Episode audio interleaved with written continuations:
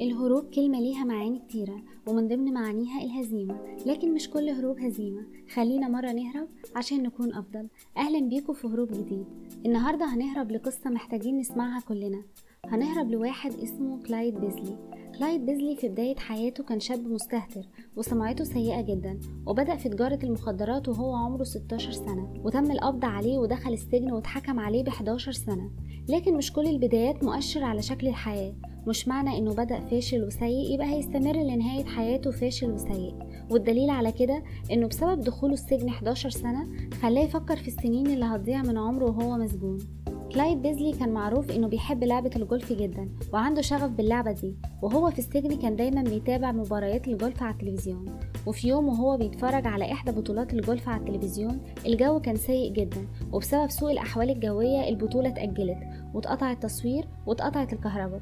ودي حاجة زعلته جدا. لكن الغضب اللي هو كان فيه خلاه يبتكر وينتج فكرة جديدة تخص رياضة الجولف. فكر في إنتاج لعبة جولف مصغرة.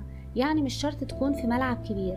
وبالفعل فضل يفكر وعمل رسمة للعبة وحط لها قوانين. وأول ما انتهت مدة عقوبته وخرج من السجن بدأ ينفذ اللعبة في أول يوم خرج فيه. بس ما كانش معاه فلوس خالص. استلف من معظم أصحابه اللي كانوا معاه في السجن. وبدأ يشتري خامات وأدوات لإنتاج نموذج أولي لطاولة جولف مصغرة. كلفته حوالي 200 دولار. وعشان يجرب اللعبة بدأ يدعو أصحابه للعب. عشان يجربوها ويقولوا رأيهم. وفعلا اللعبة عجبت ناس كتير وده اللي شجعه وخلاه يعمل تسويق للعبة أكتر. بس ما كانش معاه أي تمويل. حاول الحصول على تمويل من جيرانه وفعلا بدأ في التسويق وعرض الفكرة على النوادي وكمان عرض فكرته في معرض البلياردو السنوي عام 2003 الفكرة عجبت كل اللي شافها لدرجة إن إحدى الشركات عرضت عليه بتبني الفكرة وبدأ ظهور الفكرة وانتشارها والإعلام كله اتكلم عنها في وقت قصير. وانتشرت اللعبة انتشار كبير عام 2005 وتخطت مبيعاتها 5 مليون دولار. كلايد بيزلي المسجون تاجر المخدرات بقى مليونير.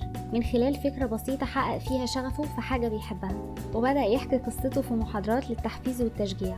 لكن انت مش محتاج قصة نجاح وتحفيز عشان تخليك ناجح.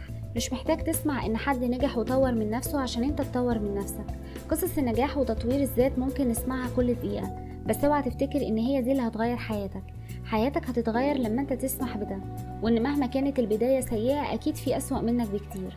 ومهما كانت ظروفك فكلنا ظروفنا ممكن تكون مش أفضل حاجة.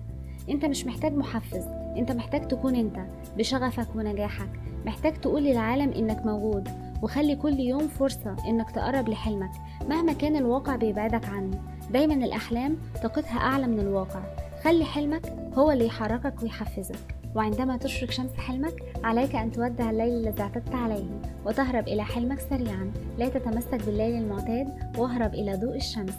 في النهاية جرب تهرب كل يوم لحاجة أنت بتحبها. أنت بتسمع أسماء علي ههرب كل أسبوع لحاجة جديدة ويلا نهرب.